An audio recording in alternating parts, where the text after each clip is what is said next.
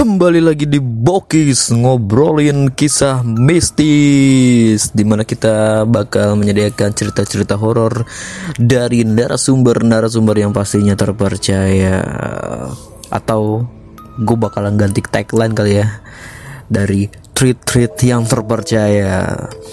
Yo what's up guys? Ketemu lagi bareng gua Rizky di sini. Dan gua seperti biasanya bakal menyediakan cerita-cerita yang memang pastinya sangat amat seram dan horor. Dan uh, terima kasih bagi kalian yang tetap uh, setia untuk mendengarkan Bokis. Karena Bokis kini hadir dengan format terbaru yaitu storytelling. Yeah yeah yeah yeah. Dan kali ini bakal uh, gue ceritain sebuah kisah yang gue temukan dari sebuah tweet di internet di mana kisah ini tuh spoilernya ya. Uh, jadi dia ini seorang satpam dan dia bekerja ya lo tau lah kalau satpam ini kan shifting ya 24 jam. Nah di tahun dua tahun awal dia ini nggak uh, inilah ya. Uh, belum ditempatin belum kena jaga malam. Nah, karena dan dia merasakan bahwa dia ini kok eh, nggak uh, pernah juga malam gitu ya. Dan lo bakal tahu sendiri nanti pas gue ceritain kenapa dia nggak jaga malam di dua tahun awal dia bergabung atau dia kerja. So pastinya penasaran kan guys? Dan kali ini uh, langsung aja kita simak kisahnya yang berjudul Lantai 12. Hai, perkenalkan, namaku Alfi. Umurku 25 tahun. Bekerja di sebuah kantor di Jakarta Selatan hampir tiga tahun lamanya. Awalnya bekerja di sini tidak ada hal yang aneh sama sekali. Layaknya perkantoran biasa, hanya tegur sapa, senyum kepada karyawan yang berlalu lalang. Ya, di zaman sekarang mencari pekerjaan dengan latar belakang pendidikan biasa adalah hal yang sangat sulit menurutku. Satu tahun pertama, aku selalu ditugaskan dari pagi hingga sore hari. Sebenarnya ada shift jaga malam, namun entah kenapa pimpinanku tidak pernah menunjukku untuk berjaga malam. Kita sebut saja Pak Aldo sebagai pimpinanku. Tentu saja hal ini membuat teman-temanku yang lain iri. Tapi aku bisa apa kalau Pak Aldo sudah berkehendak? Melawan pun akan merugikanku. Sebenarnya aku juga penasaran kenapa tidak pernah kena juga malam. Lalu aku pun mencari alasannya. Aku memberanikan diri untuk bertanya kepada Pak Aldo, namun jawabannya tidak memuaskan. Malah terkesan menghiraukan pertanyaanku. Ya sudah, aku terima saja. Hari ini adalah hari di mana aku menginjak dua tahun bekerja di kantor ini. Tidak ada yang istimewa, semuanya berjalan seperti biasa saja. Oh iya, aku ini bertugas berjaga persis di depan lift karyawan. Jadi semua orang yang datang selalu terpantau olehku.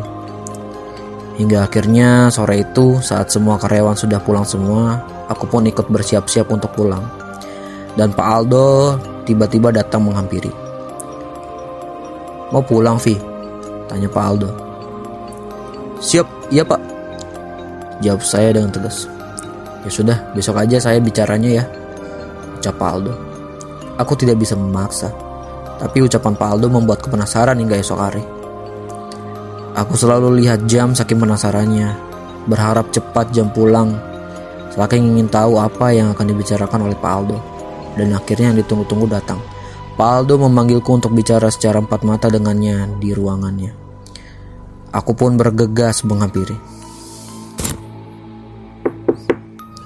Ya masuk. Pak, manggil saya. Oh iya, Vi. Ayo duduk.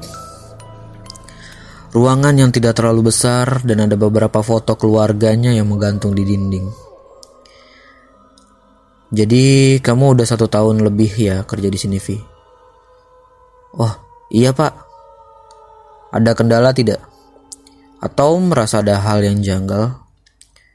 Alhamdulillah, selama ini nggak ada pak. Dalam hati aku bertanya, apa maksud dari pertanyaan Pak Aldo ini? Kendala, janggal. Jujur aja, justru aku merasa janggal saat ini dengan pertanyaan yang beliau berikan kepadaku. Jadi gini Vi, selama ini kamu kan selalu jaga pagi ya? Iya pak, betul. Mulai besok, kamu akan ke bagian jaga malam ya. Bisa. Bisa pak. Saya siap jaga kapan aja. Bagus. Tolong dipersiapkan mental dan kesehatan kamu ya. Dan lagi, ucapan yang membuatku terheran. Mental. Ada apa sih sebenarnya? Setelah dirasa cukup, aku berpamitan dengan Pak Aldo untuk pulang. Saat melangkah keluar, tidak sengaja aku melihat sesuatu di ventilasi pintu ruangannya. Sebuah kertas dengan tulisan Arab. Melihat itu, aku makin penasaran. Ada apa sebenarnya? Apakah jaga malam akan semenakutkan itu? Hingga Pak Aldo berpesan untuk menjaga mentalku. Ah, sudahlah. Aku gak mau mikirin hal-hal yang aneh. Pagi ini tidak seperti biasanya, Sebelum jam 6 pagi aku sudah bersiap-siap untuk berangkat ke kantor. Tapi kali ini aku masih nyaman berada di atas kasur. Woi Tong, kagak kerja lu? Teriak emakku. Enggak mak, Alfi hari ini jaga malam. Iya, itu logat emakku yang kental dengan khas betawinya. Tak terasa jam sudah menunjukkan pukul 3 sore. Aku pun bersiap-siap dan menuju kantor pukul setengah empat sore. Dan sesampainya di kantor, aku langsung berkumpul dengan yang lain untuk diberikan wejangan oleh Pak Aldo. Sore teman-teman semuanya. Hari ini kalian ada kawan baru ya yang akan ikut jaga malam ini. Tolong dibantu ya, ucap Aldo. Siap. Entah kenapa aku jadi grogi saat itu. Setelah selesai berkumpul, aku dipanggil oleh Pak Aldo. Vi, kamu jaga berdua sama Pak Alwi ya. Jaga di tempat biasa aja, depan lift. Baik, Pak. Wi, nanti kasih tahu Alfi harus apa aja kalau jaga malam. Dijaga ya, Wi. Siap, Pak. Di sini aku baru tahu kalau jaga malam berbeda dengan saat jaga pagi sore. Personil yang berjaga malam lebih banyak yaitu berenam dengan formasi dua di depan, dua di dalam, dan dua di belakang. Kebetulan aku berjaga di dalam dengan Pak Alwi, tempat yang ternyata paling dihindari oleh yang lain. Tapi karena waktu itu aku baru merasakan jaga malam, jadi nggak tahu kalau ternyata mereka menghindari buat jaga di dalam kantor. Vi, bikin kopi dulu biar gak ngantuk kita. Ucap Pak Alwi. Siapa? Kopi hitam nih pak. Iya Vi, gue mau ke kamar mandi dulu. Oke pak. Aku pun berjalan ke arah dapur kantor. Letaknya memang cukup jauh, hampir ke arah belakang. Oh iya, kalau malam semua lampu dimatiin demi menghemat biaya listrik. Jadi saat aku berjalan menuju dapur kantor itu gelapnya minta ampun. Untung disiapin senter sama Pak Alwi. Jalan menuju dapur harus melewati lorong. Gak panjang sih, tapi cukup bikin bulu kuduk merinding juga karena gelap. Ternyata sepi banget kalau malam. Gak ada suara apa pun. Saking sepinya, Suara langkah kaki akan terdengar sampai ujung lorong. Aku memainkan senter ke segala arah. Entah kenapa aku melakukan hal ini. Seakan tangan ini bergerak dengan sendirinya. Saat itu aku belum ada pikiran dengan sesuatu yang berhubungan dengan hal-hal gaib. Sampainya di dapur, aku langsung membuat kopi untukku dan Pak Alwi. Dan di sinilah untuk pertama kalinya aku mengalami hal yang di luar nalar. Ini adalah pertama kalinya aku mendapatkan gangguan gaib. Saat aku mengaduk kopi, tempat gula yang berada di sampingku tiba-tiba sedikit bergeser. Aku pun tersadar dengan gerakan itu. Tapi aku masih berpikiran positif. Mungkin hanya perasaanku saja. Tak lama setelah itu, tempat gula itu kembali bergeser dan jaraknya cukup jauh. Hingga aku yakin kalau kali ini bukan perasaanku saja, tapi nyata adanya. Dan jujur, di situ aku langsung sedikit panik. Aku langsung bergegas keluar tanpa membereskan tempat gula itu. Dan aku berjalan sedikit cepat menuju tempat jaga. Tapi sebelum sampai, aku mencoba menenangkan diri agar tidak terlihat oleh Pak Alwi. Pak, ini kopinya. Pak Alwi diam. Dia melihat mukaku dengan sesama seakan curiga. Pak, eh, iya Vi.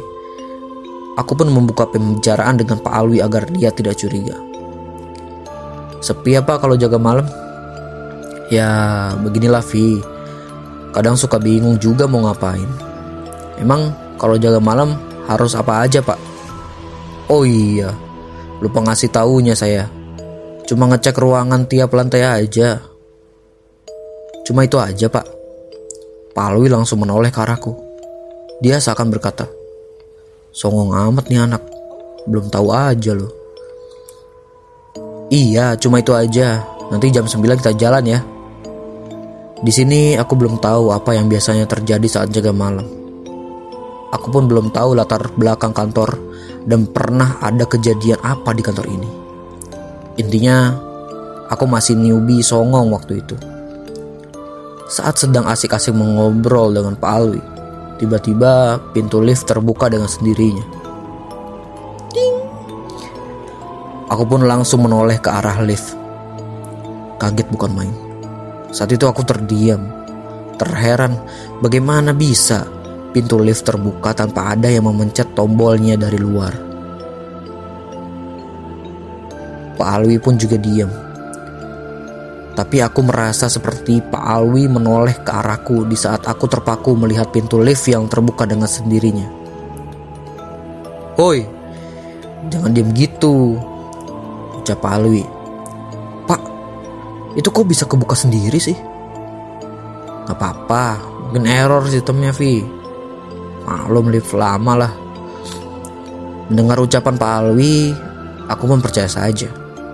Tapi akan ada saatnya aku tahu kebenaran yang terjadi penyebab pintu lift ini bisa terbuka dengan sendirinya. Tak lama pintu lift itu kembali menutup. Jujur, Aku sedikit panik saat itu melihatnya. Aku kembali terheran karena ternyata lift tersebut naik ke atas. Seakan ada yang menggunakannya. Aku pun perhatikan nomor lantai di atasnya. Naik terus, naik hingga akhirnya berhenti di lantai 12. Hah? Kok bisa? Masa sih error? Ah, sudahlah. Mungkin benar apa kata Pak Alwi kalau sistemnya error. Lagi pula saat itu baru jam 8 malam. Gak mungkin bakal diganggu jam-jam segitu. Dulu aku punya pemikiran kalau kita akan diganggu makhluk halus di atas jam 12 malam. Jadi aku gak begitu percaya kalau lift itu karena ulah mereka. Ayo kita jalan Vi Ajak Pak Alwi Hah? Baru jam segini pak? Aku lihat jam Wah, gak terasa ternyata udah jam 9. Center sama HT jangan lupa dibawa Vi. Oke pak, aman. Pak Alwi langsung memencet tombol lift. Dan kulihat dari lantai 12, lift tersebut turun ke lantai basement. Lagi-lagi aneh. Kok bisa? Kan aku di lantai satu. Kenapa liftnya malah ke basement? Setahu cara kerja lift itu akan turun sesuai dengan lantai yang dipencet. Berarti dengan kata lain, ada yang mencet juga dong di lantai basement. Pak, ada orang yang jaga basement ya? Ah enggak Vi, error aja itu mah.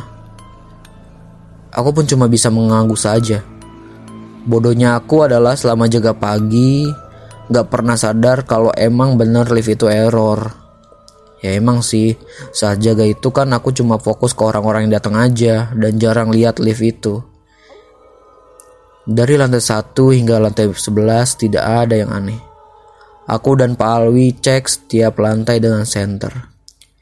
Hingga akhirnya di lantai 12, lantai yang akan selalu membayangiku selama jaga malam. Saat pintu lift terbuka, terasa hawa yang berbeda dengan lantai-lantai sebelumnya.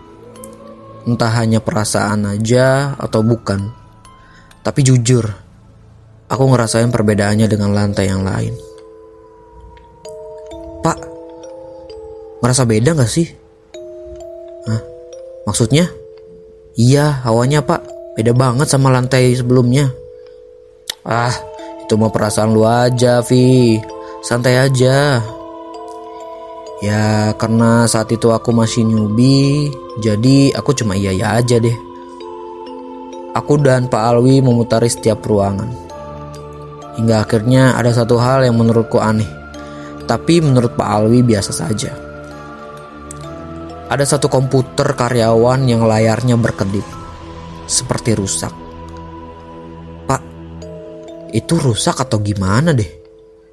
Emang gak dimatiin dulu apa sama orangnya sebelum pulang? Ah, biasa itu Mafi. Udah lewatin aja. Aku berdua kembali berjalan. Lalu Pak Alwi memonitor yang lain lewat HT. Psst, psst. Cek, cek. Masuk pak. Suara dari HT tersebut. Komputer lantai 12 lagi, kumat lagi. Berat, oi. Hahaha, nikmati saja Pak Alwi. Aku bingung. Apa maksud dari pembicara mereka? Udah biasa emang pak Udah Vi Makanya tenang aja Setelah dirasa cukup Aku dan Pak Alwi lanjut ke lantai 13-15 Aku sadar Cuma lantai 12 aja yang beda auranya dengan lantai yang lain Kayak panas aja bawahnya di lantai itu Malam ini gangguannya nggak begitu banyak Mungkin karena baru hari pertama aku jaga malam jadi belum tahu semuanya tapi akan ada saatnya aku tahu apa yang sebenarnya terjadi di kantor ini. Oh iya, jadi saat jaga malam itu kita nggak selalu bergantian jaga tempatnya. Jadi nggak akan selalu di tempat yang sama. Kadang aku ke bagian jaga belakang dan juga kadang di depan dan di dalam tentunya. Perbedaannya cuma jaga depan aja yang aman dari gangguan. Malam kedua, aku ke bagian jaga di belakang. Lebih tepatnya bagian belakang gedung. Ada pos juga buat kita berjaga dan enaknya ada TV juga. Jadi nggak suntuk kayak jaga di dalam gedung. Minggu ini aku ke bagian jaga bareng dengan Pak Alwi. Untuk minggu selanjutnya akan bergantian dengan yang lain. Mungkin supaya lebih akrab jadi sengaja tukar-tukar pasangan jaga. Tapi emang jaga di luar ini sedikit lebih enak. Angin malam sepoi-sepoi terus bisa ngerokok sambil ngopi juga. Intinya aku suka kalau jaga di luar. Tapi nggak selamanya tenang ya. Saat itu jam menunjukkan pukul 11 malam aku dan Pak Alwi sedang asik menonton pertandingan sepak bola Liga Inggris di balik suara komentator samar-samar aku mendengar suara aneh Aku memfokuskan pendengaran dan aku kecilkan suara TV-nya. Loh, kok dikecilin sih, Vi? Bentar pak, dengerin deh. Pak Alwi menurut.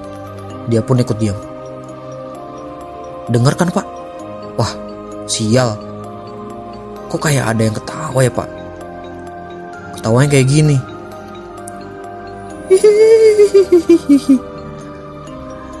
Di situ aku langsung merinding bukan main. Kunti tuh Vi Pak Gak lucu ah Serius Ketawanya emang kayak gitu Baiklah Malam kedua berjaga langsung diketawain Mbak Kun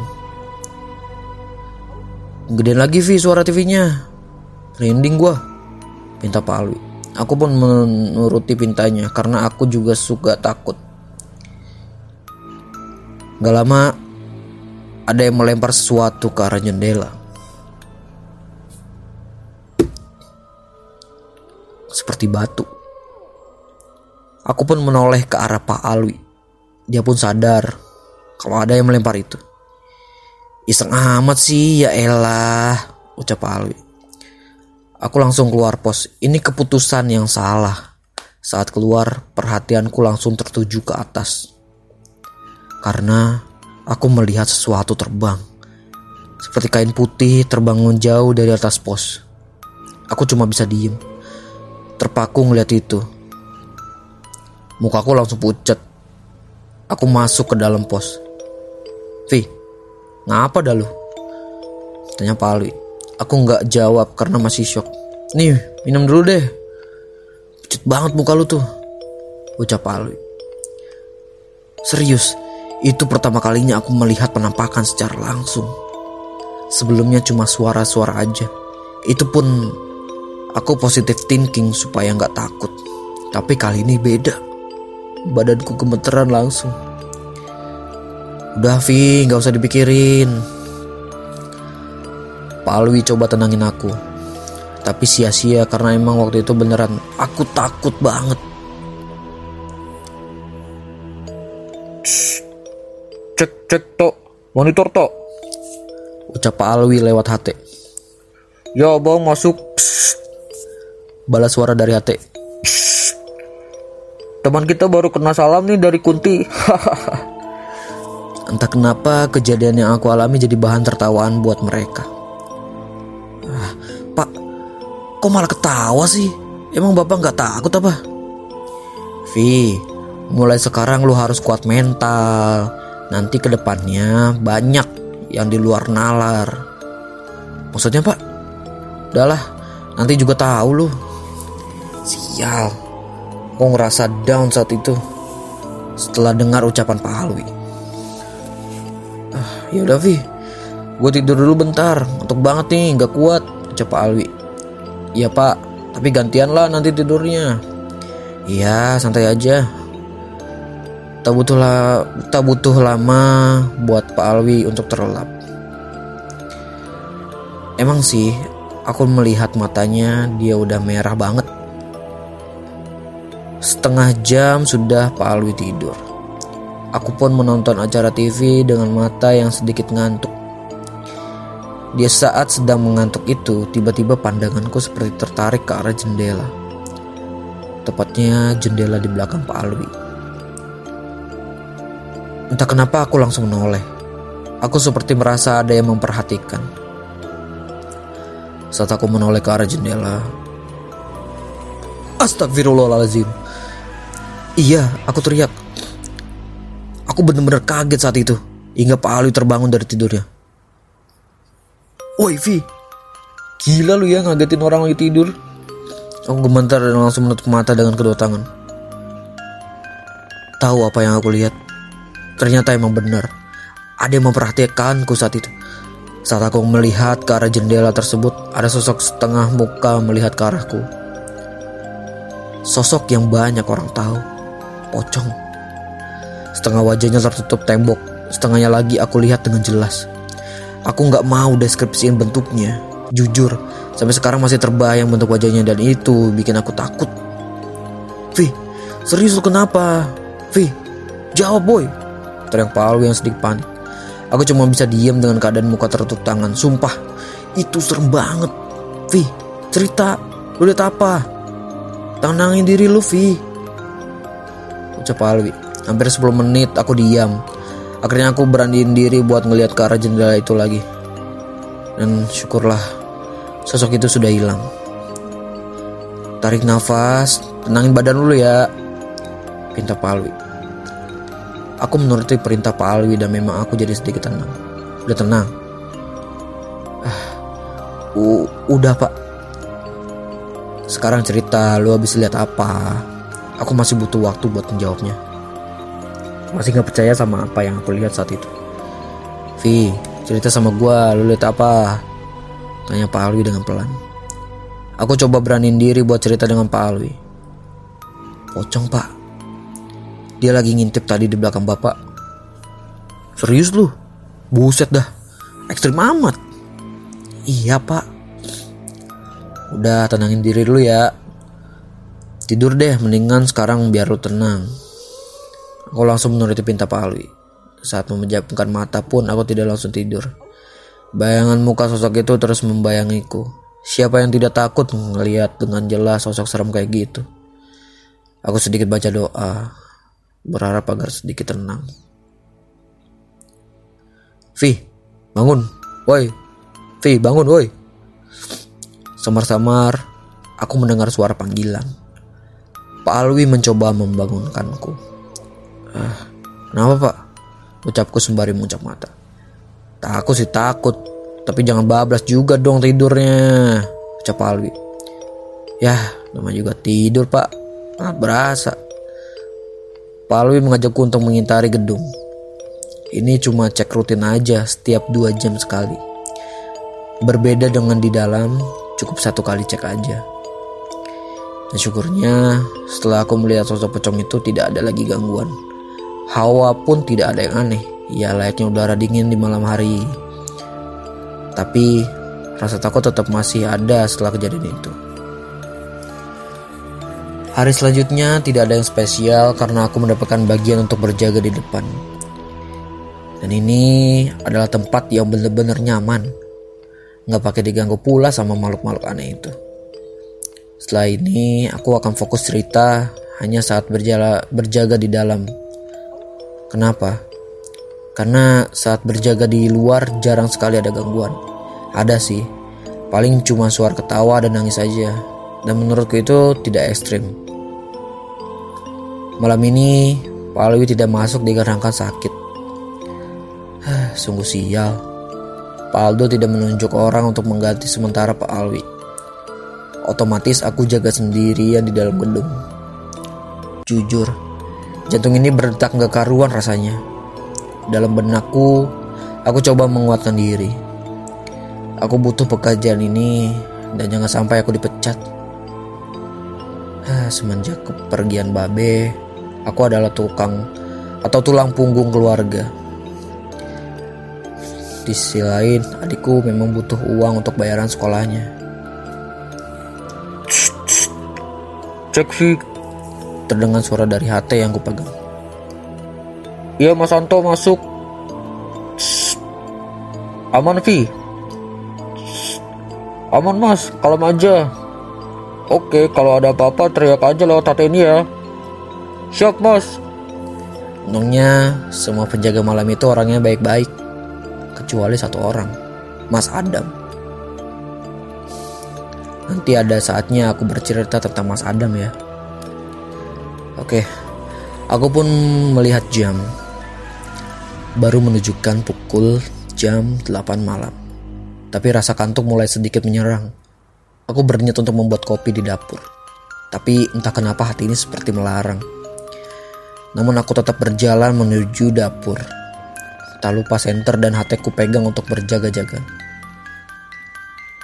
Sebelum menuju lorong, aku harus melewati lobi untuk tamu. Di sinilah ada sedikit keanehan. Di lobi tamu itu ada sebuah meja untuk menaruh majalah dan sebuah lampu. Seingatku, kalau malam hari itu semua lampu mati, tak terkecuali stand lampu itu. Tapi saat aku lewat, lampu itu menyala. Awalnya aku ingin matikan sembari berjalan ke sana, tapi akhirnya aku batalkan Niatnya nanti setelah bikin kopi aja, barulah sekalian ke situ. Aku pun melewati lorong. Jujur, aku nggak suka lorong ini. Gelap. Hawanya juga beda. Saat itu, aku lupa dengan kejadian tempat gula yang bergeser itu. Mungkin karena udah jeda dua hari, jadi aku tidak ingat. Untungnya nggak ada lagi tuh yang geser-geser. Aman untuk sementara. Dengan membawa kopi, aku kembali ke tempat jaga. Setelah melewati lorong, aku ingat harus mematikan stand lampu yang ada di meja itu. Tapi saat ku menoleh, ternyata lah lampu itu sudah mati. Hah? Bagaimana bisa? Sumpah, aku ingat kalau lampu itu nyala dan belum dimatikan.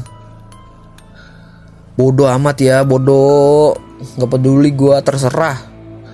Ucapku dengan sedikit keras. Jujur, takut saat ini. Tapi ya kesal juga kalau dikerjain kayak gini. Bukan maksud menantang. Tapi aku sadar kalau perkataanku itu seperti menantang mereka. Aku duduk dan taruh kopi di meja. Mengambil nafas panjang agar sedikit tenang. Karena tidak ada teman untuk mengobrol, aku ambil handphone di kantung celana. Iseng-iseng scroll medsos FB. Suntuk banget. Sendirian gak ada teman ngobrol walaupun bisa main sosmed. Tetep aja bawaannya bete. Ada hampir setengah jam aku menatap handphone dan tiba-tiba terdengar suara langkah kaki.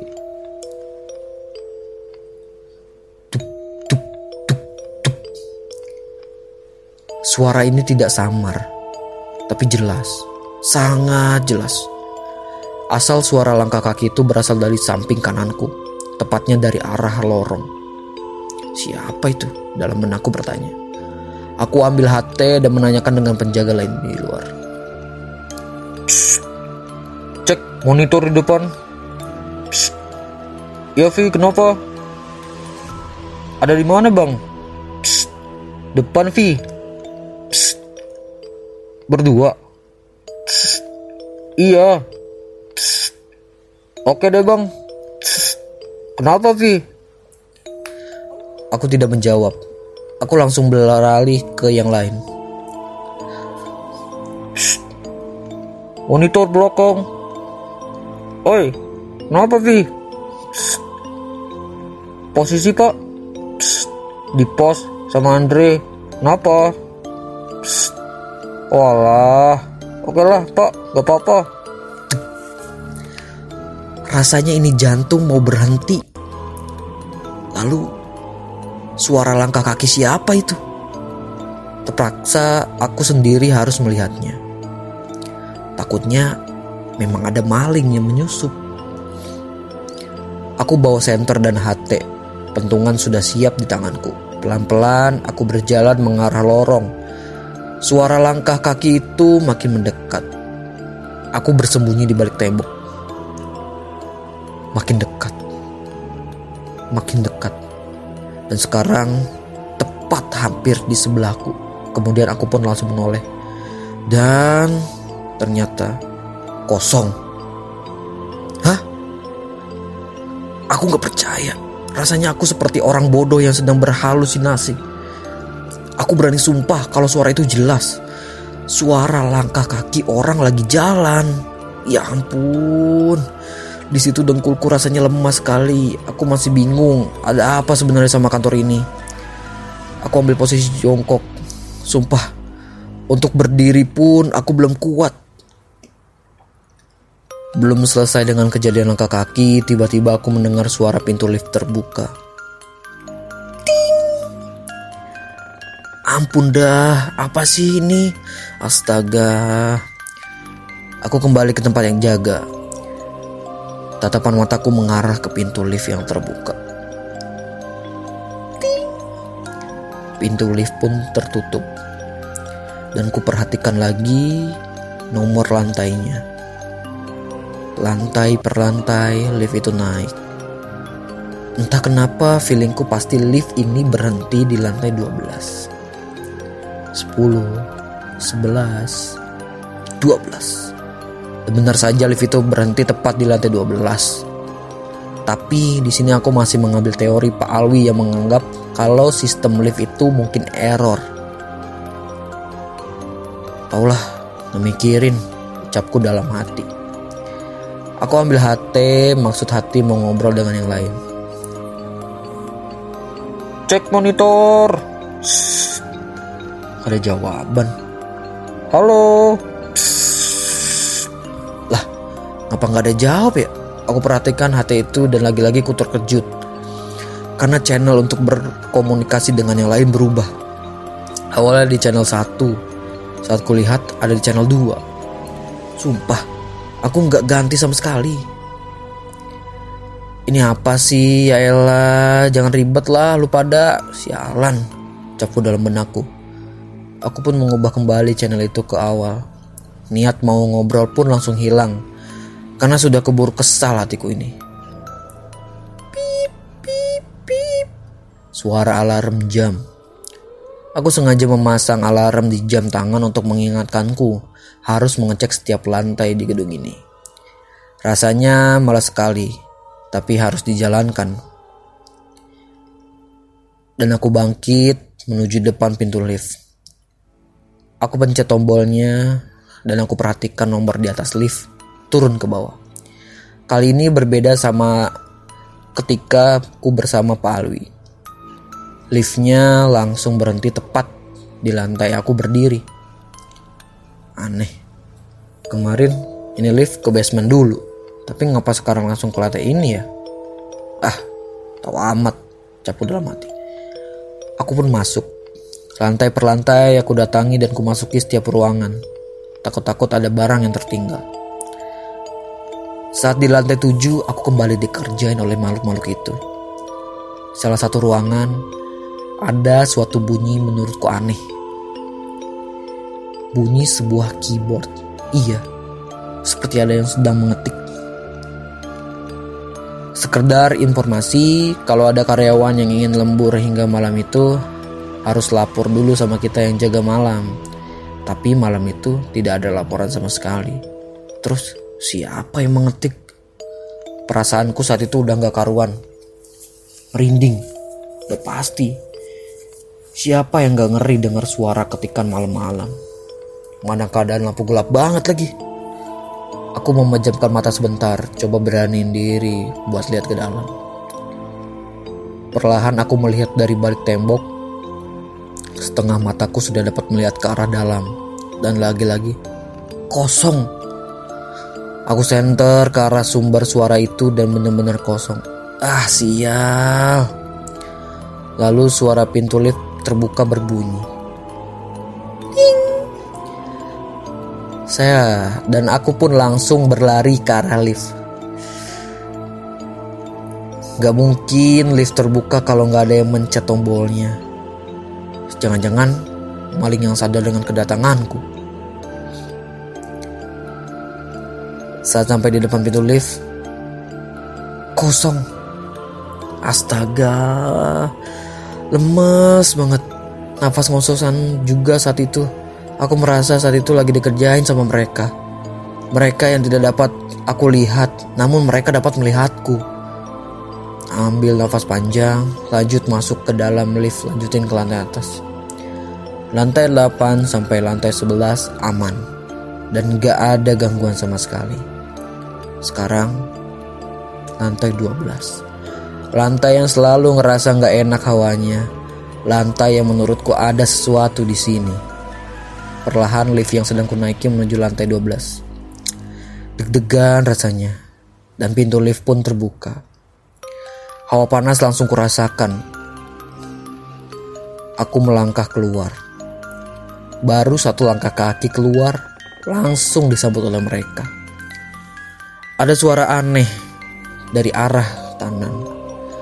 Suara dari kamar mandi. Aku menoleh. Suara itu seperti keran air yang menyala. Jujur, aku takut. Tapi rasa takut itu kalah dengan rasa penasaran. Entah kenapa badan ini seperti ada yang menarik ke arah kamar mandi itu. Langkahku pun terhenti. Kiri adalah toilet cowok dan kanan adalah toilet cewek. Aku menunduk. Suara air itu berasal dari kanan. Iya, toilet cewek. Entah kenapa setiap ada kejadian aneh itu sumbernya dari toilet cewek. Aku dekatkan kupingku ke pintu. Cuma mau mastiin ada orang apa enggak. Ternyata cuma suara air keran aja. Aku buka pintunya perlahan sambil mengintip ke dalam. Takutnya beneran ada orang di dalam.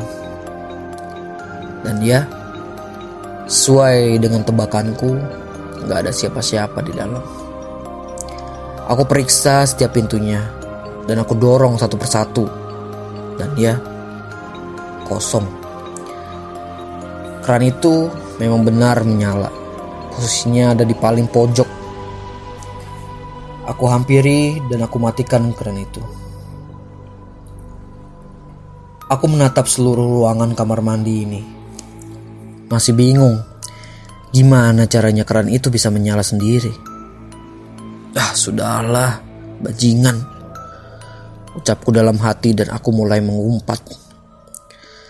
Setelah memastikan tidak ada siapa-siapa di kamar mandi itu, aku keluar. Bawaannya udah merinding aja di kamar mandi itu. Aku cek satu persatu ruangan di lantai 12. Dan aku ingat, waktu itu ada komputer yang layar monitornya menyala, kedip seperti rusak. Aku penasaran, apa layar itu masih seperti itu? Aku hampiri ruangan di mana komputer itu berada dan benar saja. Layarnya masih seperti yang sebelumnya. Aku pun mendekatinya.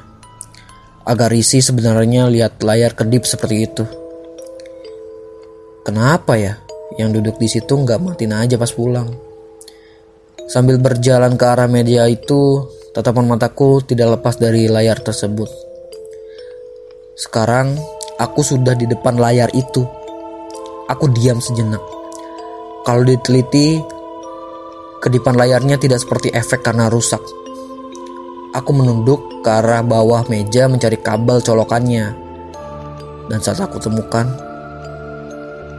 kabel itu tercabut. Tercabut. Ya ampun. Aku masih tidak percaya.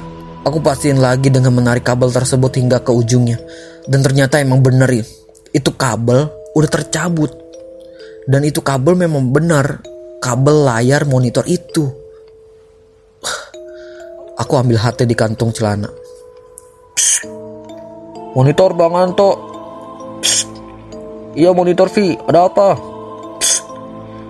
Ini bang, gue lagi di kan di lantai 12. Ada satu layar monitor yang nyala kedip-kedip gitu. Tapi kok nggak kecolok ya bang? Psst.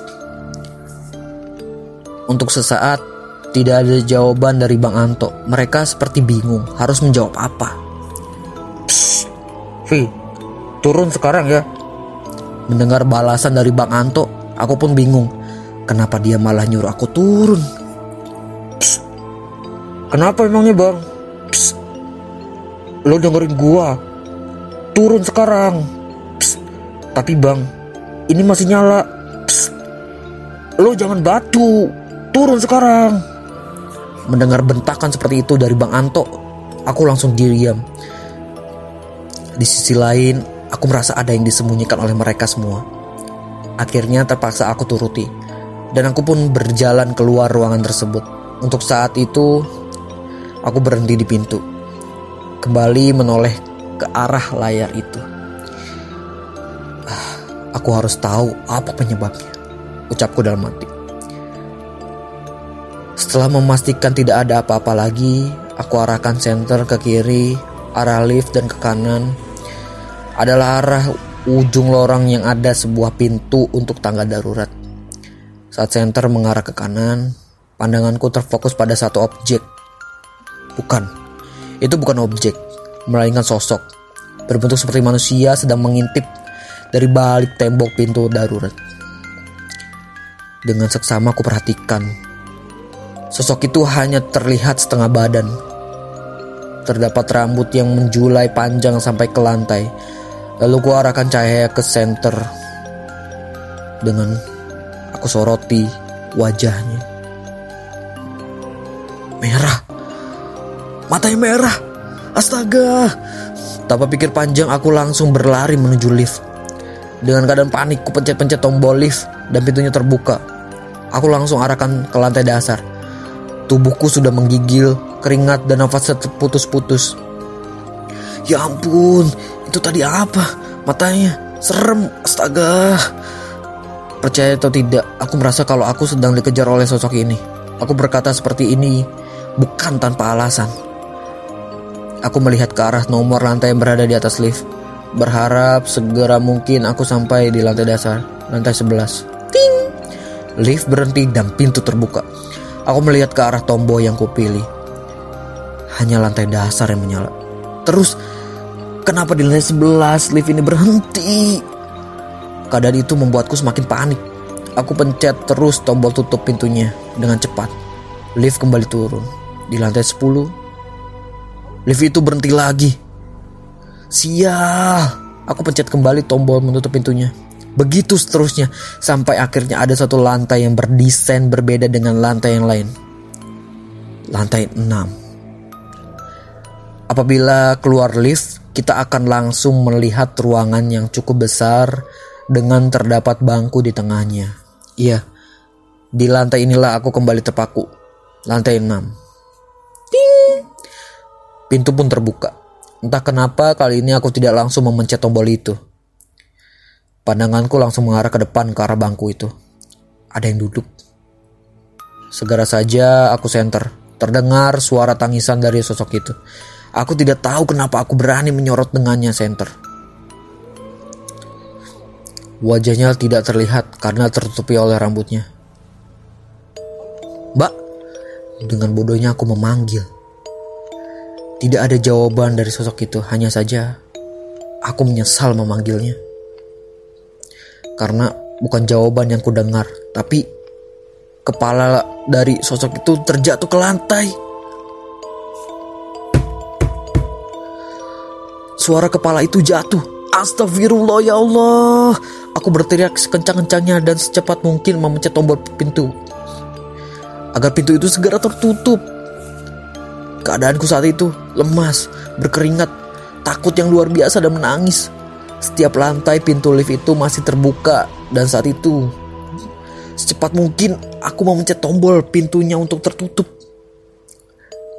Saat itu yang aku pikirkan hanya cepat-cepat untuk turun ke bawah. Tidak terpikir sama sekali untuk meminta bantuan ke teman-teman yang lain. Aku menempelkan badan ke pojok lift dekat dengan tombol itu berada menangis tanpa henti bicara sendiri yang aku pun tidak tahu aku bicara apa. Sampai akhirnya sampailah di lantai dasar. Aku langsung berlari menuju pos depan di mana Bang Anto berada. Sampai di sana, mereka terheran melihat aku yang menangis seperti anak kecil. Vi, lo kenapa? Tanya Bang Anto. Aku tidak menjawab, aku masih menangis. Saat itu dengan keadaan mengumpat di bawah meja. Alfi, lo kenapa boy? Tolong, Tolong gue bang. Aku menjawab sambil sesegukan.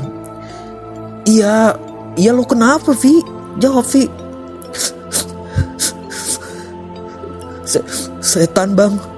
Bang Anto langsung terdiam. Dia sepertinya paham aku habis melihat apa. Udah Lo gue antar pulang aja ya sekarang Ucap Bang Anto. Saat itu aku tidak bisa berkata sepatah kata pun. Bang Anto langsung memakaikan jaketnya Dan menuju parkiran motor Ayo Vi naik, pinta Bang Anto. Aku pun menurut. Badanku terasa sudah sangat lemas. Sangat lemas sekali. Sepanjang perjalanan, aku menyender ke tubuh Bang Anto. Tentu saja dengan keadaan menangis juga. Vi, baca-baca. Kan gua tadi udah bilang lo ngejauh dari komputer itu. Batu sih. Aku tidak menjawab. Tatapanku masih kosong. Begitu juga dengan pikiranku. Akhirnya sampailah aku di rumah. Dan saat itu waktu menunjukkan pukul setengah 12 malam. Nemaku terbangun dari tidurnya karena Bang Anto mengetok pintu rumahku. Melihatku menangis, emak langsung panik bukan main. Ya ampun Tong, lu ngapa datang-datang mewek gini? Tanya emak dengan muka paniknya. Bu, besok aja ya ditanyanya biar Afi istirahat dulu. Potong Bang Anto. Oh, iya deh. Makasih ya Bang, udah nganter si Alfi ke sini. Ya Bu, sama-sama. Saya pamit dulu ya bu. Bang Anto langsung pulang. Sementara itu aku masih sedikit menangis dengan tatapan yang kosong. Jujur, aku tidak tahu sedang merasa seperti apa saat itu. Pikiranku benar-benar kosong.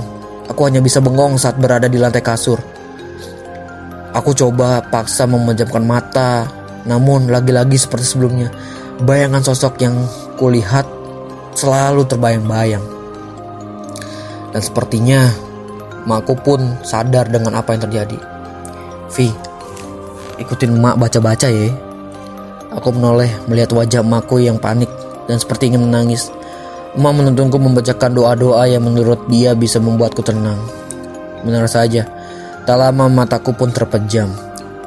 Dan saat ku membuka mata, melihat ke arah jam dinding, pukul jam 11 siang. Aku coba bangkit, tapi badan ini terasa berat sekali. Bukan hanya itu, Seluruh badan terasa sakit seperti habis dipukuli. Aku keluar dari kamar. Ternyata sudah ada Pak Aldo dan Pak Alwi di rumah tamu sedang mengobrol dengan emakku. Eh, Vi, ucap Pak Aldo. Eh, iya pak, aku pun langsung ikut duduk di samping emak. Badan lo gimana Vi? Enakan? Tanya Pak Alwi. Pada sakit semua pak badan saya. Ini salah saya, potong Pak Aldo. Eh, maksudnya pak, di sinilah semua akan terjawab. Saya pikir kamu udah siap, Vi. Makanya saya pilih kamu untuk ikut jaga malam. Ucap Aldo. Emangnya kenapa ya, Pak? Saya ngerasa kesannya tuh kayak orang-orang terpilih aja yang harus jaga malam. Iya, betul. Saya pikir kamu tipikal orang yang berani. Ternyata saya salah. Emang ada apa sih, Pak, sebenarnya dengan kantor kita? Panjang ceritanya. Saya akan ceritakan intinya aja ya, Pak. Iya pak, sebentarnya. Sebentar, saya cuci muka dulu ya. Aku menuju kamar mandi dan cuci muka. Bayang-bayang sosok itu masih kuat di kepalaku. Entah kenapa sulit sekali rasanya menghilangkan bayang-bayang itu.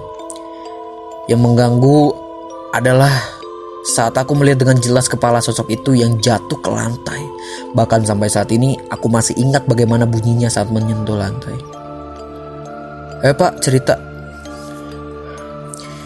Intinya gini Vi Dulu ada karyawan kantor yang bunuh diri lompat dari lantai paling atas Saat kejadian itu malam hari Entah gimana caranya dia bisa ada di atas sana Itulah kenapa mulai saat itu ada yang jaga di dalam kantor Vi Tapi saya lihat kepalanya jatuh pak ke lantai Iya Pas bunuh diri itu juga begitu Vi, kepalanya terpisah.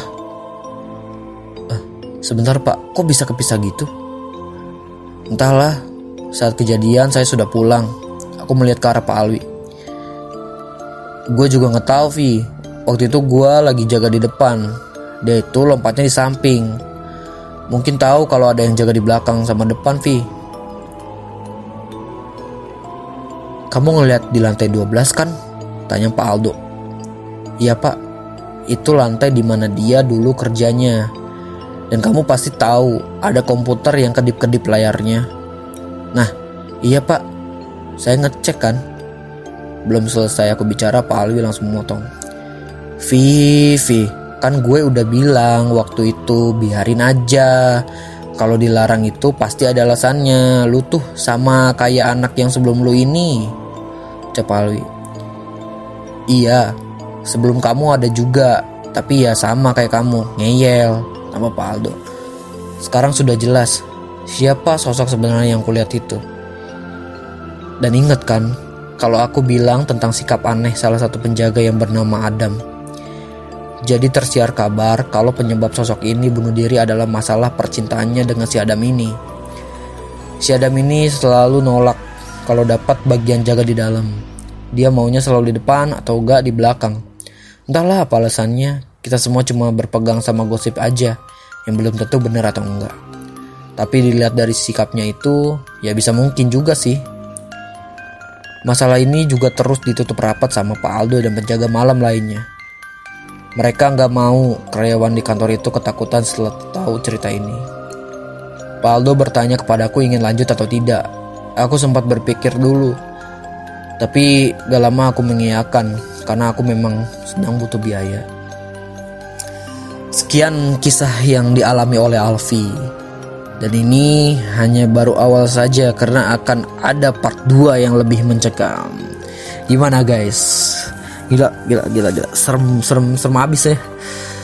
Kalau menurut gua nih bagian yang paling serem ya, serem dan klimaksnya itu ya itu yang ketika dia uh, lagi di lantai 12 dia menemukan uh, adanya suatu layar yang monitor komputer itu kedap-kedip lah kedap-kedip sendiri dan ketika dia cek kabelnya nggak terpasang dong.